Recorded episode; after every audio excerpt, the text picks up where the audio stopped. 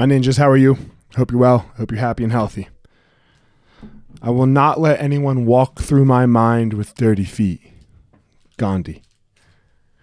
Man, this one's so hard, right? And sometimes it's not even people people that are bad or evil or, or anything, right? Like it's, it's a friend, it's a it's it's a, somebody super close to us that can that can get a hold of our mind with what they say or what they do. And then man we can just go off the deep end with that right? We can just go so far. Like you know and we, we've all done it. Let me say it again. I will not let anyone walk through my mind with dirty feet. Their feet don't have to be permanently dirty we're not saying that this person's perm is a bad person but right now their feet are dirty in this current moment, at least from my perspective and what it's doing to me and my, um, let's say, Buddha nature. We'll do that another day. Uh, is it's causing me some uh, disharmony. Um, I'm being unharmonious with myself.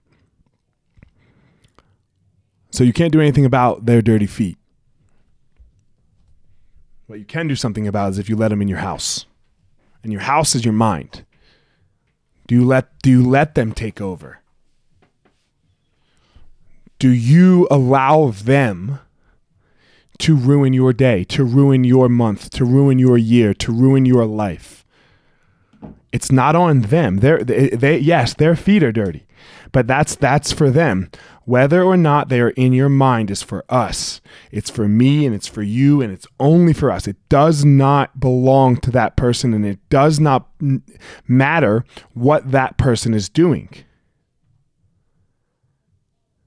You can't give people power over your life.